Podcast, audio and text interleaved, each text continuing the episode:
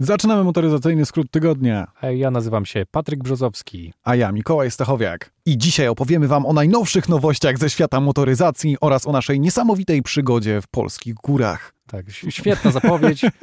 Aż sam jestem podekscytowany. Czuję się tak, jakbym tam wcale nie był, a ty mógłbyś mi opowiedzieć coś więcej. Proszę bardzo. A Najpierw tak... zaczniemy od nowości ze świata motoryzacji. Tak, ale to jest motoryzacyjny skrót tygodnia. Dobrze włączyliście. Jak zwykle śmieszki, jak zwykle będzie, będzie przyjemnie. Mam nadzieję przynajmniej. Mamy zamiar opowiedzieć Wam naprawdę wiele. Masę emocji mamy do przekazania. Mam nadzieję, że zrobimy to jak najbardziej plastycznie i obrazowo. Dawaj, Mikołaj, możesz zaczynać, leć. Jest hype. Dum, dum, dum, Także Alpina XB7. XD7. XB. XD, dobra. X no. jak Xavier, B jak Bartosz. Alpina XB7. Jest to nowe BMW X7, które mm. przeszło modyfikację Ale... przez markę z Buchloe. tak. Mówimy tak, jakbyśmy w życiu nie wiedzieli, co to jest ta Alpina. No i myślimy, że jakaś tam marka sobie stuningowała tę X7 i kto w ogóle by to robił, takiego kolosa tuningował. No ale jest to odrębny model, jakby nie patrzeć. XB7. Oni wzięli tą wersję M50i, która ma 4,4 litrowe V8 i je tuningowali. Teraz będzie miała 621 koni, 4 sekundy do setki i 290 km na godzinę pojedzie. I skrzydła po boku. Wiesz co, ja tam mam jakiś taki chyba sentyment do tej marki, nie wiem czemu. Hmm. Bardzo podoba mi się logo Alpiny. I tak? wydaje mi się, tak, nie, nie, wiem czemu, ale jak patrzę na kierownicę z Alpiny, mhm. kilka razy miałem okazję usiąść w tych samochodach, nigdy w sumie żadnego nie prowadziłem, ale na, na jakichś pokazach i tak dalej, no. to nie wiem czemu, ale czuję się w nich zdecydowanie bardziej wyjątkowo niż w BMW. Jakoś psychologicznie coś tam działa, że z tym BMW to mi się tak średnio kojarzy. Może dlatego, że w BMW po prostu nie czujesz się zbyt prestiżowo? Wiesz co, no jest wiele jakichś negatywnych konotacji tej marki w Polsce, wiesz, te wszystkie E36 w kompakcie upalane na każdym parkingu i tak dalej. A tutaj mam wrażenie, że to jest coś takiego szalenie luksusowego i prestiżowego. Zresztą tak jak kiedyś przeprowadziłem wywiad z przedstawicielem marki Alpine, on opowiadał, że jak modyfikujesz wnętrze Alpiny, to możesz użyć skóry, która jest używana w Rolls Royce też. A, czyli jest taka opcja po prostu. Tak, możesz sobie wybrać właściwie zupełnie inne materiały niż dostajesz w BMW. Rozumiem. No to, to w sumie całkiem prestiżowo, rzeczywiście. I on to przedstawiał jako samochód, którym możesz nie chcieć się wyróżniać, prawda? Że masz luksusowy samochód, ale z zewnątrz wygląda mimo wszystko jak BMW na przykład serii 5 albo 7. Tak. I no, nie jest już Rolls Royce'em, tak? Czyli w tym takim środowisku Monaco nie rzucasz się specjalnie w oczy, nie? No, ale nadal siedzisz w BMW, jakby nie patrzeć. Jakby ja, ja rozumiem, że... Dla mnie ta, to, to, to wcale nie, nie jest nobilitacja, przerzucenie się z BMW na Alpinę. W BMW serii 7 mniej się rzucasz w oczy niż w Rolls Royce Phantomie. R rozumiesz no, ale porównanie? To, no, no, rozumiem to porównanie, ale te, te, samochody do siebie się nijak mają, moim zdaniem. No tak, ale możesz go zrobić tak, tą, tą siódemkę dzięki Alpinie, żeby była jak Rolls Royce wewnątrz. I myślisz, że jakaś tam grupka nastolatków podejdzie, zakląnie ci przez szybę, zostawi oczywiście standardowy odcisk palca i, i powie, ło, skóry jak w Rolls Royce. Nie no właśnie, to jest chyba samochód dla osób, które nie oczekują tego. To dla samych siebie? Dla samych siebie, żeby wiesz. Są tacy ludzie? że nie chcą się pokazywać? Że nie chcą mieć żółtego Mercedesa? Tak, Patryk, są tacy ludzie. Są tacy ludzie, którzy dla własnej wygody biorą skóry z Rolls Royce'a i nie chcą się pokazać. Nie, nie, nie wierzę ci. Takich nie ma. Ale seryjny nie jest też napęd. Tylnia oś została uzbrojona w elektronicznie sterowany dyferencjał z blokadą, mhm. który ma mhm. poprawić trakcję i zachowanie auta podczas dynamicznej jazdy. Także poprawiono oprogramowanie dla ośmiobiegowej skrzyni ZF. Jak często będziesz jeździć tym samochodem dynamicznie? No za każdym razem, jak je wezmę na tor. Albowiem BMW... Razem ze swoją siedmioosobową rodziną w środku. Przepraszam, albowiem Alpina XB7 tak. może zmieścić 7 osób. No Także jeżeli byśmy to zrobili, jeżeli byśmy dostali ten samochód, to pierwsze co robimy, to jedziemy na Nürburgring i pobijamy czas Skody Kodiaq RS. Tak. I jeszcze Jestem w... pewien, że to się uda. I w dodatku jeszcze samochodem, który jest wyładowany po brzegi. Tak, tak, tak. Siedem osób będzie siedziało wewnątrz. Tak. No. Oczywiście wszyscy będą mieli zapięte pasy. I kaski. Dostajemy też 20-szprychowe koła. E, standardowo dla Alpiny to akurat. Cena zaczyna się od 141 tysięcy i 300 dolarów. No, można by tę cenę trochę obniżyć. czy nie? Bo ja mam ze sobą dzisiaj akurat 150 dolarów mniej. Ale wiesz co, to jest też całkiem ciekawe, bo w Europie tego modelu mieć nie będziemy. On będzie tylko w Stanach Zjednoczonych. Jak na razie przynajmniej. Mimo, że produkowany w Europie. Mimo tego, że produkowany w zakładach BMW w ogóle. Ale poczekaj. W Spartanburgu, nie. a nie w Buchlo. O. Buchloe. O, widzisz. Nie, nie, moja dykcja. No bo to jeśli chodzi o X7 niemieckie to chyba nazwy. dlatego, wiesz, duża. No tak, ale wydawałoby się, że jak kupujesz Alpinę, to jednak, wiesz, ona przechodzi tak jakieś modyfikacje, tam coś takiego wyjątkowego się dzieje z tym samochodem, a nie, że na tej samej linii produkcyjnej co X7, tylko z innym znaczkiem. To, to nas boli, rzeczywiście. To znaczy, to może boleć tych, którzy są odbiorcami tego auta. Ale cóż, no to już jest tak, to już jest tak chyba połączone, że te, te marki trochę też straciły od, na odrębności, nie? Bo, bo pamiętam, historia wygląda zupełnie inaczej. Nie znam jej dokładnie, ale gdzieś tam czytałem. No to, to, to było jednak coś innego, albo może w, początkowej fazie coś podobnego do AMG, ale później, później już nie. Pamiętam, jak o tym czytałem, to wyszło, tam było tak, że Alpina powstała z modelem BMW 2002, którym zresztą jeździłeś. Mhm. Poznaliśmy się prawie, jako, jakoś zaraz po tym, jak się poznaliśmy, to miałeś ten samochód, co tam miał delikatne problemy z hamowaniem. No w pewnym momencie zaczął je mieć, tak. No, no to pan Alpina bodajże, czy ktokolwiek, kto tam ją założył, nie będę teraz tego sprawdzał. Alpina powstała wtedy i on zmieniał gaźniki bodajże w tych silnikach z 2002 Mhm. i potrafił podnieść ich moc chyba o 50 koni, czy coś takiego. Tak. Także wiesz, to już robiło wrażenie, no szczególnie w tamtym samochodzie, w którym chyba było standardowo jakieś 110 koni czy coś takiego i nagle miałeś wiesz, 160, 170. Ale pewnie tutaj nas słuchacze sprawdzą, zaraz ktoś szybko wygoogluje i powie, nie, wcale tak nie było, miał 95 na początku. To być może była taka historia właśnie. Ale na pewno były te gaźniki, one zmieniały i one zmieniały moc tak znacząco. Webera zapewne, gaźniki. Maxa? N- Nie, nie, on chyba nie robił gaźników. Nie, nie, nie, nie, nie, też chyba żył przed w ogóle czasami gaźników. Chyba. Zostajemy przy nowościach. Volkswagen Golf GTI 2020 został zaprezentowany. Nareszcie, nareszcie doczekałem się Golfa GTI. Bardzo lubię Golfy GTI. Uważam, że to najlepsze Golfy. Wybierając 19-calowe felgi, można zdecydować się na opony Michelin Pilot Sport Cup 2. I od razu wiadomo, do kogo ten samochód jest adresowany. Do prawdziwych fanów motoryzacji. Dobrze, no, no to ja, ja sobie chwalę taki wybór i mam nadzieję, że, że większość osób, która będzie kupowała ten samochód, wybierze właśnie te opony.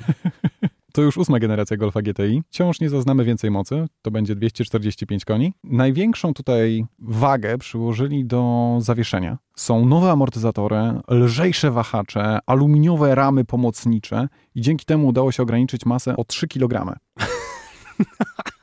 Przy jednoczesnym zwiększeniu sztywności samochodu. Równie dobrze mogło, można było schudnąć po prostu.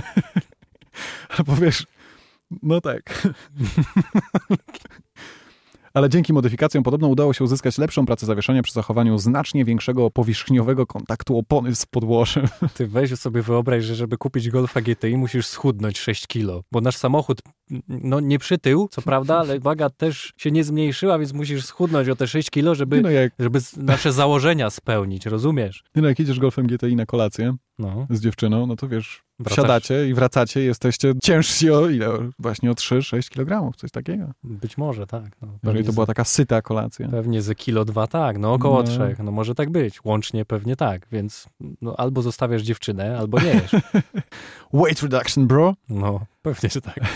Podobnie jak większość nowych modeli od Volkswagena, Golf GTI dostanie płynną regulację aktywnego zawieszenia, aż w 15-stopniowej skali między trybem Comfort a Sport. Mm, zaledwie o 5 mniej niż w Polestarze. Tak, bo tylko tam chyba trzeba to robić manualnie, prawda? tak, trzeba wyjść, podnieść maskę i robić to manualnie. E, Próbowałem, próbowałem i powiem ci, że, że pomiędzy tymi skrajnymi ustawieniami czuć różnicę, dosyć znaczną. Ale jak to się robi? Trzeba mieć jakiś klucz? Czy... Nie, nie, nie, to ręką normalnie robisz, Aha. skręcasz sobie takie pokrętła dwa. I co, było czuć różnicę? Był sztywniejszy i pewniejszy w zakrętach? Był sztywniejszy, owszem. Dostanie także progresywny układ kierowniczy. Wow! Skrajne pozycje dzieli aż 2,1 obrotu, co ma zapewnić bezpośredniość prowadzenia i zmniejszoną konieczność przekładania rąk w ciasnych zakrętach. No to dobrze jak na hot hatcha bardzo. Tak, No. no. wydaje mi się, że to akurat jest pożądana zawsze cecha tych samochodów. Będzie dostępny z sześciobiegowym manualem i siedmiobiegową skrzynią DSG. Wiesz, jak masz jeden obrót w lewo bądź w prawo od położenia neutralnego, to już wiesz, że coś się dzieje. A jednak posiadanie takiego bardzo dokładnego i sztywnego układu kierowniczego w mieście nie jest specjalnie taką znów wygodną sprawą, także fajnie, że on jest adaptacyjny. Co odczuli zdecydowanie chyba najbardziej właściciele poprzedniego Focusa RS. W sensie chciałem im powiedzieć, że współczuję. Wnętrze będzie oczywiście nawiązywało do innych modeli GTI, czyli znajdziemy tam kratę, czerwone przeszycia i czarne dodatki, które mają podkręcić sportową atmosferę. Nie zabraknie także czołowego rozwiązania Volkswagena, czyli InnoVision. Cyfrowe zegary i duże ekrany mają pozwolić na indywidualizację danych, które się wyświetlają przed kierowcą. I ta ich kra- lepszą organizację. A ta krata to na fotelach jest, rozumiem. Krata na fotelach. Ale możesz sobie też kupić taką bluzę. A tak, Volkswagen sprzedaje. To ty Właśnie. mówiłeś, że widziałeś, tak? tak, widziałem ostatnio takiego pana, który szedł w takiej bluzie, czarna bluza, i napis GTI, no i ten napis właśnie był wypełniony takim gradientem, jak to mówią. Ale myślisz, że można kupić taką koszulę flanelową na przykład, która ma identyczną kratę i wtedy O! wsiadasz do samochodu i jakby cię nie było w połowie. Tak, trochę takie Barbery, tylko w wersji Volkswagen. Tak, dokładnie. Dobre, dobre, dobre. Nie wiem, czy można taką kupić. Nie sprawdzałem tego, ale bluza była całkiem ładna. Niedługo mamy zobaczyć wersję TCR oraz R, O, proszę. No i na które te będą miały więcej mocy. Tak. Ciekawe, jak, Ciekawe, czy nowa R będzie miała znów 300 koni. ciekawe, jak Będzie. będą wyglądały, jak będą się wyróżniały, bo ten GTI wygląda jak taki zwykły Golf, tylko że z dwururką z tyłu. Nie, no ma trochę zmieniony przód. Ma szersze światła i ma inny zderzak przodu, jest bardziej agresywny. Mm, A tak z tyłu dosyć klasycznie. Takie nawet te końcówki wydechu, niezbyt wydatne. Myślę, że tego Fist Challenge by nie przeszły, wiesz. Ale my tutaj z radosnych informacji o Alpinach i Golfa GTI, a niestety musimy wrócić troszeczkę na dół. 78% w dół. O. Tyle wyniósł spadek sprzedaży aut w Europie. No mamy regres i tego mogliśmy się spodziewać i o tym już chyba raz mówiliśmy. Porównywaliśmy kwiecień do kwietnia, czyli 2020 do 2019. Tam spadki były no znaczne. No ale co tu dużo mówić, rzeczywiście zastój był ogromny i takiego nie było od bardzo dawna na pewno. Nie wiem, czy kiedykolwiek były aż takie spadki. Zrzeszenie producentów ACA powiedziało, że tak złego wyniku nie zanotowało od początku swojego istnienia, czyli od 1990 roku. Łącznie od początku roku sprzedało się zaledwie 292 182 egzemplarze No aut jest to nowych. fenomen. Fenomen zdecydowanie, ale cały świat to odczuł, więc nie tylko my jesteśmy na straconej pozycji. Dobrze, że wszystko zaczyna się odradzać. Najgorzej to przeżywa koncern FCA.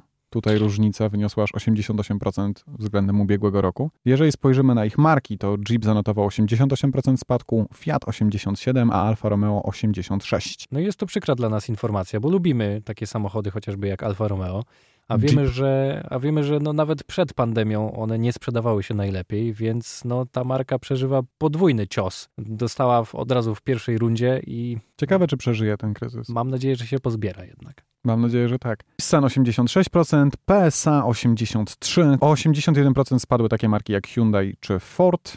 Toyota 78%, najlepiej poradziły sobie Porsche i Skoda. Porsche zanotowało tylko 70% strat, a Skoda 67%. No tak, pierwsza trójka chyba była taka jak zazwyczaj, przynajmniej u nas w Polsce, nie? Tam był Skoda, Volkswagen i Toyota, I Toyota, zdaje się. tak. No, Więc- Volkswagen i Toyota zwykle są na pierwszych miejscach i później Tak. jest Skoda, albo Skoda, Volkswagen, Toyota. Toyota. To się tam zmieniają. I to się nie zmieniło przynajmniej u nas i pewnie w wielu innych krajach też w Europie, pewnie po tej stronie Europy. Więc przodownicy się bronią cały czas. Największe spadki są w Wielkiej Brytanii, Włoszech, Francji i Hiszpanii. No i to nie jest specjalnie dziwne z uwagi na to, że tam wprowadzono największe ograniczenia. które nadal trwają, Tak. bardziej niż u nas. Aczkolwiek nie wiem, czy widziałeś ten filmik e, Borisa Johnsona, który mówi o tym, możecie wyjść, ale lepiej nie wychodźcie. Widziałeś to? No to trochę tak jak u nas, no nadal przecież i tak wszyscy mają to gdzieś, ale nadal zalecenia mówią, że lepiej nie wychodzić. No ale cóż, masy nie powstrzymasz. Jestem ciekaw, jak to będzie wyglądać przez najbliższe nawet 2-3 lata ze sprzedażą aut, bo podejrzewam, że one wciąż będą się utrzymywały na niższym poziomie niż 2019, z uwagi na to, że wiele osób po prostu straciło pracę. Tak, powrót zajmie nam dużo dłużej, do normalności powrót oczywiście, niż moglibyśmy sobie zdawać, ale mam nadzieję, że to jednak później stanie się troszkę nauką dla wszystkich tych koncernów, które sprzedają samochody. By, być może odrodzimy się ze zdwojoną siłą. Myślę, że część nadziei możemy też pokładać w carsharingu, który przeżywa swój renesans, według przynajmniej statystyk, które teraz mówią, że no, udział ludzi się zwiększa w tych usługach. To jest ciekawe, bo wydawałoby się, że auto, do którego ktoś wsiada i wysiada, raczej, no wiesz, powinno się cieszyć mniejszym powodzeniem. Tak, ale też wiele firm zaznacza, że właśnie na przykład ozonuje swoje samochody, Mhm. czyści po każdym wypożyczeniu. Widać to po wypożyczalniach samochodów. Mam kilku znajomych, którzy takowe mają. Mówią, że ten spadek był tylko chwilowy, później właściwie wszystko wróciło do normy i, i mają się naprawdę dobrze. Więc nie, ludzi to nie zniechęciło. Zachęciło ich też to, że są puste drogi, więc no naprawdę. To, no oprócz to... tego podróż komunikacją miejską jest teraz jest trochę ryzykowna, al- albo może być, tak, więc zmniejszyło się zaufanie do komunikacji miejskiej. Puste drogi też wpłynęły na to, że ludzie, no cóż, poczuli się trochę pewniej, no i zapragnęli też pojeździć fajniejszymi samochodami. Tak to się skończyło. Mam nadzieję, że tak pozostanie, no bo przecież zależy nam na tym, żeby biznes się rozwijał. To przejdźmy już do naszej wycieczki. No właśnie. Wzięliśmy Porsche 911 Carrera 4S i pojechaliśmy nim w góry. No Dziękuję bardzo. Do usłyszenia. Tak. Cześć, cześć. Pojechaliśmy w góry, na, na twoje oczywiście zaproszenie. Tak. Byliśmy w okolicach Nowego Sącza, tak w miejscowości Wysowa Zdrój. Tak, żeby tak określić takie pierwsze większe miasto, tak mi się wydaje, że Nowy Sącz jest takim...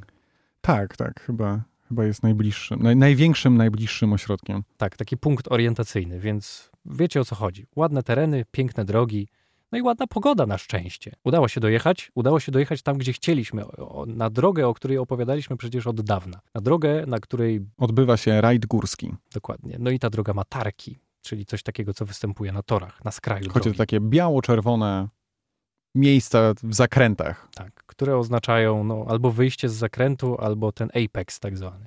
Ta droga znajduje się w Limanowie, pomiędzy właściwie pomiędzy Limanowem a Starą Wsią, tak? Pomiędzy Limanową. Limanową a Starą Wsią. Tak, to jest właściwie stara wieś, gmina Limanowa. Chyba tak by było to najlepiej, najtrafniej określić. I droga jest rzeczywiście bardzo fajna, jeżeli, jeżeli lubicie fajne drogi, a jeżeli słuchacie tego podcastu, to prawdopodobnie tak jest, to serdecznie polecamy. Powierzchnia jest rzeczywiście prawie jak z toru wyścigowego. No ładnie jest. No, tak. Droga jest w dobrym stanie, to przede wszystkim. Te tarki i bandy robią klimat. Trochę mhm. można się poczuć jak na torze, rzeczywiście. Czuć, Jednak że... należy pamiętać, że to jest wciąż publiczna droga, także nie przesadzajcie. Owszem, tak, oczywiście. Można się poczuć trochę pewniej, ale nie za bardzo. Natomiast y, udało nam się nakręcić chyba fajny materiał. Mam nadzieję, że to dobrze wszystko wyszło. Y, tak jak teraz to nagrywamy, no to będę dopiero to składał, a w czwartek już ten film powinien być, także prawdopodobnie słuchacie tego już kiedy możecie obejrzeć ten film na kanale, więc oczywiście zapraszam. No, ale powiedzmy coś o samym samochodzie. 450 koni w 911, także silnik za plecami, a nawet za tylnią osią. Dodatkowo 530 Nm, co powoduje, że setkę osiągamy w 3,4 sekundy z pakietem Sport Chrono, bez pakietu Sport Chrono 3,6. Co stawia 911 w jednej linii praktycznie z super samochodami. 911 Carrera 4S oczywiście, bo to jeszcze nie jest najpoważniejsza odmiana Carrery. Ale muszę ci powiedzieć, że najbardziej jestem zdziwiony uniwersalnością tego samochodu. To znaczy, że on potrafił się rzeczywiście zachowywać jak sportowy samochód, prawie jak super samochód, jak sam wskazałeś, na tych krętych drogach, a jednocześnie jak się nim normalnie jeździło, to po pierwsze potrafił palić 9 litrów na 100. Mniej nawet. 8,4, tak? Ci się udało, czy 8,6? Chyba najlepszy wynik, jaki osiągnąłem wtedy za kierownicą, to 8,4 litra na 100 km. No przy średniej prędkości, co prawda tam około 65 km na godzinę, ale nie przy jakiejś strasznie oszczędnej jeździe. Nie chowałem się za ciężarówkami, nie składałem lusterka, nie wyłączaliśmy klimatyzacji. No to była normalna jazda, nie po autostradzie, bo po autostradzie, kiedy wjechaliśmy już na autostradę, czy drogi szybkiego ruchu, no to to zaczęło rosnąć, ale też nie przekraczało od 9,5 litra, więc... Dodajmy, to... że z dwoma osobami na pokładzie i pełnym bagażnikiem. Tak, dokładnie. No, no, no, no, oczywiście tak było, więc no nie, samochód potrafi być bardzo oszczędny, aż zadziwiająco oszczędny. Ale nie uważa, że ta jego uniwersalność rzeczywiście wymaga jakiegoś zaznaczenia? To jest niesamowite, że ten samochód potrafi być taki praktyczny i jednocześnie być tak dobrym autem sportowym i tak. być tak angażującym w jeździe. Dokładnie. To jest chyba najbardziej uniwersalny samochód sportowy. To nie jest jeszcze może egzotyk niesamowity, ale tak, no, chyba, najbardziej, chyba najbardziej praktyczny sportowy samochód o takiej dwoistej naturze, a nawet można by było wymienić więcej. Wiesz, bo zawieszenie miało bardziej komfortowe od większości hot hatchy, co jest Tak, na pewno ciekawe. czułem się bardziej komfortowo niż w moim A35. Osiągi ma w sumie podobne i zachowanie jak ta 570S, no może jest troszeczkę wolniejszy od McLarena. Mhm. Oczywiście prowadzi się zupełnie inaczej, ale wciąż prowadzi się bardzo dobrze i co mnie zdziwiło, on daje dużą przyjemność z jazdy nawet przy niższych prędkościach, podczas gdy zwykle te niestety sportowe samochody mają to do siebie, że tak cię troszeczkę kuszą, żebyś zwykle jeździł na tych ostatnich 3000 obrotów. No, szczególnie 911, która ma wysokoobrotowy silnik, ale chyba Ale tutaj tego nie było, nie było takiej potrzeby. Jeżeli jeździłeś nie. do tych 3000 i ta skrzynia bardzo szybko potrafiła ci zmienić na ten ósmy bieg, mhm. to nie czułeś się z tym jakoś też źle. Nie było też w tym samochodzie głośno. On nie męczył przy ciągłej jeździe. Nie, on jest niesamowicie elastyczny. W ogóle ta skrzynia też no, niemal intuicyjna, wyprzedza twoje myśli. To jest piękne w tym, ale chyba przekonaliśmy się, że chociaż nie jeździliśmy 911 Carrera S, czyli z napędem na tył, to przekonaliśmy się, dlaczego ludzie tak pożądają tego napędu na tył, a mniej pochlebnie wypowiadają się może o tych z napędem na cztery koła. Dla nas z punktu tego widzenia jazdy całorocznej, no to może nawet praktyczniejszą wersją byłaby właśnie ta z napędem na cztery koła, przynajmniej w teorii bardziej przewidywalną. Natomiast y, to robiło trochę z tego samochodu takie auto, które potrafiło zachowywać się i jak przednionapędowe, i jak tylnonapędowe, w zasadzie było tak trochę po środku i właśnie jestem ciekaw w kontekście porównania do 570S, jeżeli mowa o McLarenie, który jest tylno-napędowy, jak wypadłaby właśnie SK? No może będziemy mieli okazję się przekonać, choć wątpię szczerze powiedziawszy, żebyśmy dostali karierę S tylko po to, żeby zobaczyć, jak to się jeździ z napędem na tył. Tą karierę 4S prowadzi się i moim zdaniem powinno się mieć gdzieś z tyłu głowy, że jest to jednak samochód z napędem na tył i tak go traktować. Ten napęd naprzód tak naprawdę służy do tego, żeby cię troszeczkę uratować. Mhm. No tak. I on też tak dziwnie czasem to robi, w dosyć osobliwy sposób. Że jesteś w stanie zapomnieć, że to auto ma rzeczywiście w mm, większości tak. napęd na tył. No ale nie, no nie zmienia to faktu, że jeździło się wybornie. No i był na oponach Pirelli P0 tak żeby nie było wątpliwości. Testowaliśmy ten samochód, które zapewniły dobrą przyczepność. No oczywiście, że tak. No tak przynajmniej wyszedł fabrycznie. Niczego nie zmienialiśmy w drodze.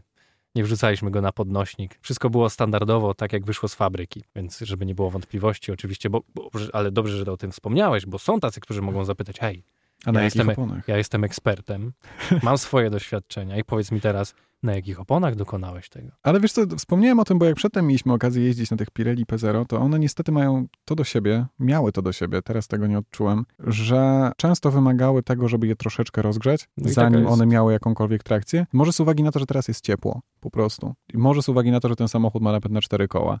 A poza tym, no, zanim zaczęliśmy szybciej jeździć, to zazwyczaj mieliśmy za tak. sobą trochę kilometrów, które przebyliśmy, więc zdążyły się na pewno rozgrzać. I one trzymały bardzo dobrze, trzeba to przyznać. Tak. Moim zdaniem najbardziej zaskoczyło mnie w sumie to, że wnętrze jest tak szalenie praktyczne. To jest w ogóle dosyć ciekawe, że mówimy o sportowym samochodzie za prawie milion złotych i non-stop mówimy o tym, że on jest wygodny, że się fajnie prowadzi przy niskich prędkościach mhm. i że jest gdzie schować portfel, butelkę wody. To wszystko tam jest w tym samochodzie. Ewidentnie ktoś o tym pomyślał, że to nie będzie auto tylko do szybkiej jazdy, ale ktoś od czasu do czasu będzie chciał też nim pojechać do sklepu.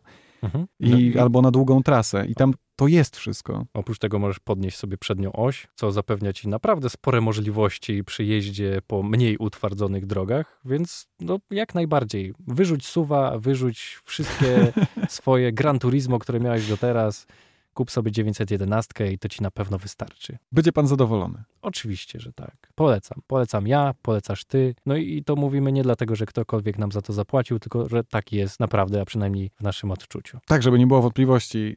Porsche nie zapłaciło częstą jakby praktyką w testach motoryzacyjnych jest to, że producent płaci za paliwo. Tutaj tego nie było, także to jest nasze, nasze szczęście z wydanych pieniędzy na paliwo. tak, a poza tym też wiele osób zawsze pyta, kto ci zapłacił za to, żeby dobrze o tym mówić? No otóż no, raczej nie ma takich sytuacji. Audio też było bardzo dobre, to był opcjonalny burmaster. Burmester? Burmaster? Jak się to mówi? Burmester. Burmester, proszę bardzo. Bardzo dobre to audio. Takie, miało ten efekt 3D i to taki dosyć wyraźny. Naprawdę bardzo czysty, nawet przy wysokich poziomach głośności. I to, no, wiesz, że jak ja rozkręciłem raz, mhm. to to była może połowa, nawet nie trzy czwarte. Można było to jeszcze sporo dokręcić, a już my nie mogliśmy wytrzymać tak, w środku. było, było za głośno. Było naprawdę głośno i to nadal był też czysty dźwięk, no ale już wchodził w takie rejestry, że ciężko było to odbierać. No jeżeli lubicie muzykę klasyczną, to Oj, to tak. też bardzo przyjemnie się jej słuchało w tym aucie. No, piękny efekt surround, ten 3D, naprawdę polecam. To też nie jest auto, w którym słuchasz tylko silnika, bo to nie jest aż tak porywające brzmienie, natomiast... Znaczy oczy... możesz słuchać tylko silnika, jeżeli możesz. weźmiesz go w ten tryb Sport Plus, włączysz wydech i będziesz sobie no możesz, oczywiście, go trzymał tak. na wysokich obrotach, ale no nie oszukujmy się, na co dzień jednak tego nie robicie, bo po pierwsze chcecie mieć dobre kontakty z sąsiadami, a po drugie, no, pomarańczowym Porsche i tak rzucacie się w oczy, także jeżeli jeszcze non-stop hałasujecie, to troszeczkę wychodzicie na takich tak, ale jest ostentacyjnych to, ludzi. Jest to nadal jeden z tych sportowych samochodów, w których ma się ochotę posłuchać muzyki, tym bardziej mhm. jeżeli jedziesz w trasę i chcesz tym pojechać spokojnie, a możesz to zrobić. Nawet utrzymując mniejsze spalanie niż w wielu limuzynach, ze względu pewnie na aerodynamikę i mhm. niską wagę. Nie, no ten samochód zadziwia naprawdę pod wieloma względami. A, w sumie jedyna uwaga, jaką mamy do tego samochodu, to nie wiadomo czemu nie udało się nam ustawić. Mieliśmy fotele w samochodzie, które miały milion ustawień. No tak, jak zresztą często w Porsche bywa. Tak, i o ile na siedzeniu pasażera udało się ten fotel tak ustawić, że był wygodny, o tyle na siedzeniu kierowcy coś było takiego dziwnego, że troszeczkę bolały każdego z nas plecy. Nie, nie Tak, wiadomo, tak. nie No, wiadomo było, nie jak mogliśmy się usadowić w tych fotelach i teraz nie wiem, które to były fotele, czy to były jakieś opcjonalne, czy nie, ale zaraz to sprawdzimy pewnie i do tego dojdziemy. Natomiast w rzeczywiście był mały problem z tym, żeby się usadowić tam za kierownicą. Podparcie odcinka lędźwiowego to był chyba największy problem. No ale możemy spokojnie powiedzieć, że prawdopodobnie, jeżeli kupicie ten samochód, to znajdziecie to swoje właściwe, idealne ustawienie, bo było ich od groma. Tak, to wymaga po prostu, żeby posiedzieć nad tym dłużej. A my zawsze chcieliśmy już nagrać, już zrobić zdjęcia, już gdzieś pojechać, także No nigdy nie ma czasu, żeby tak się dokładnie rozsiąść, poczuć te emocje. No to, to niestety tak to jest w pracy tak zwanej, bo przecież niczym innym jak pracą to nie jest. Można by się długo rozwodzić na temat tego, No. jakie są fajne opcje w tym samochodzie, które sporo kosztują. Była to na pewno konfiguracja, która dobijała do 900 tysięcy. Tak, jakoś była blisko miliona na pewno, bo miała sportowy układ wydechowy 13,5 tysiąca prawie, bo 13,4, tylnią skrętną oś 11,5, aktywne stabilizatory 16,5. No nie miała tej najdroższej chyba opcji, czyli węglowo-ceramicznych hamulców za 46 tysięcy złotych, ale Ale nie, nie, był to biednie skonfigurowany samochód. Nie żałowałem. wątpienia, Te, tak. te hamulce naprawdę były ostre, natomiast ja nie lubię ceramiki, karbonowo-ceramicznych hamulców, bo one często wydają dziwne dźwięki, które mnie kojarzą się z tym, że coś jest zepsute. Ja po prostu źle się czuję wtedy w samochodzie. Doświadczyłem tego nieraz i one zazwyczaj mają taką samą charakterystykę.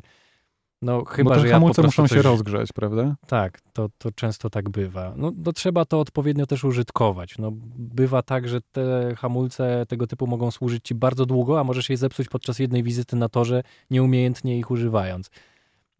Więc może nawet lepiej ich tam nie wsadzać do konfiguracji. Jeżeli będziecie używać samochodu do, głównie do jazdy na co dzień, to można sobie oszczędzić ten wydatek. Oczywiście, że tak. Lava Orange, czyli lakier, który był na tym samochodzie, to jest dopłata 14 tysięcy złotych. Umiarkowana cena. W Mercedesie są podobne ceny za lakier, także to, to nie przeraża. To tyle może o tej konfiguracji. Oczywiście z przodu 20 cali, z tyłu 21 cali, jeżeli chodzi o felgi. Fotele są zarówno wentylowane, jak i podgrzewane. Kierownica też jest podgrzewana, mimo tego, że miała na sobie alkantarę, co na przykład w Mercedesie chyba nie jest możliwe, żeby mieć podgrzewaną kierownicę i żeby była w alkantarze. Pamiętam, że w Nie. jakimś marce to było, tak? To był Mercedes chyba. Nie było to możliwe. Tak, w Mercedesie chyba nie jest to możliwe. No i ogólnie mieliśmy bardzo przyjemne doświadczenie z tym samochodem, także jeżeli Chcecie zastanawiacie kupić? się, To to kupcie. tak, polecamy. Tak, to, to zdecydowanie. Ja, ja naprawdę polubiłem to auto i zacząłem się zastanawiać, czy to aby nie byłby najlepszy wybór, żeby połączyć wszystkie cechy, jakich wymagam od samochodu. Ja też, choć muszę ci powiedzieć, że nigdy nie byłem jakimś takim specjalnym fanem 911. Dopiero, Ja dopiero jak nie. się nią przejechałem, to Ja też nie, nigdy nie byłem fanem Porsche, nigdy mnie jakoś to nie kręciło. Nie, nie miałem tych samochodów na plakatach na ścianie, nie wzdychałem do nich w żaden sposób. mi się zawsze podobało, jak wygląda GT3 albo GT3 RS. Tak, no pewnie mnie też, ale nie zwracałem na nie tak uwagi jak na Lambo, czy na Ferrari, czy chociażby też na Mercedesy. No, no nie. Więc tutaj no, kompletnie mi się zmieniło myślenie. Powoli poznajemy całą gamę Porsche, to coraz bardziej pozytywne zdanie. A suwem, którego dalej chcę sobie kupić, jest Macan. Także tak, jakby nie Tak. sądziłem, że te słowa kiedykolwiek wypowiem, chcę sobie kupić suwa, prawda? To, to jest to, ten samochód, po którym możesz tak stwierdzić. Tak, Dobrze, no to co, dziękujemy. Pamiętajcie o tym, żeby zasubskrybować, oczywiście. gdziekolwiek nas nie słuchacie, czy to na Spotify, SoundCloudzie, czy iTunesie, bo jesteśmy wszędzie dostępne. Nasze Instagramy to kameralnie i okiem kierowcy. Jesteśmy wszędzie jak Wi-Fi. To jakieś rapsy, Quebo, Nie wiem. Taco. Nie, to Nie? chyba było z PZ-a. Jesteśmy wszędzie jak Wi-Fi. No, rób sobie z nami memy, jak z jakimś Eminemem, kiedy cię miniemy. Jeżeli jesteście ciekawe tej wyprawy, no to będzie już film Patryka, o którym wspomniał, na kanale kameralnie na YouTubie. Yes, sir. Serdecznie zapraszamy, polecamy. Tak, dziękujemy bardzo i do usłyszenia w następnym podcaście. Do usłyszenia.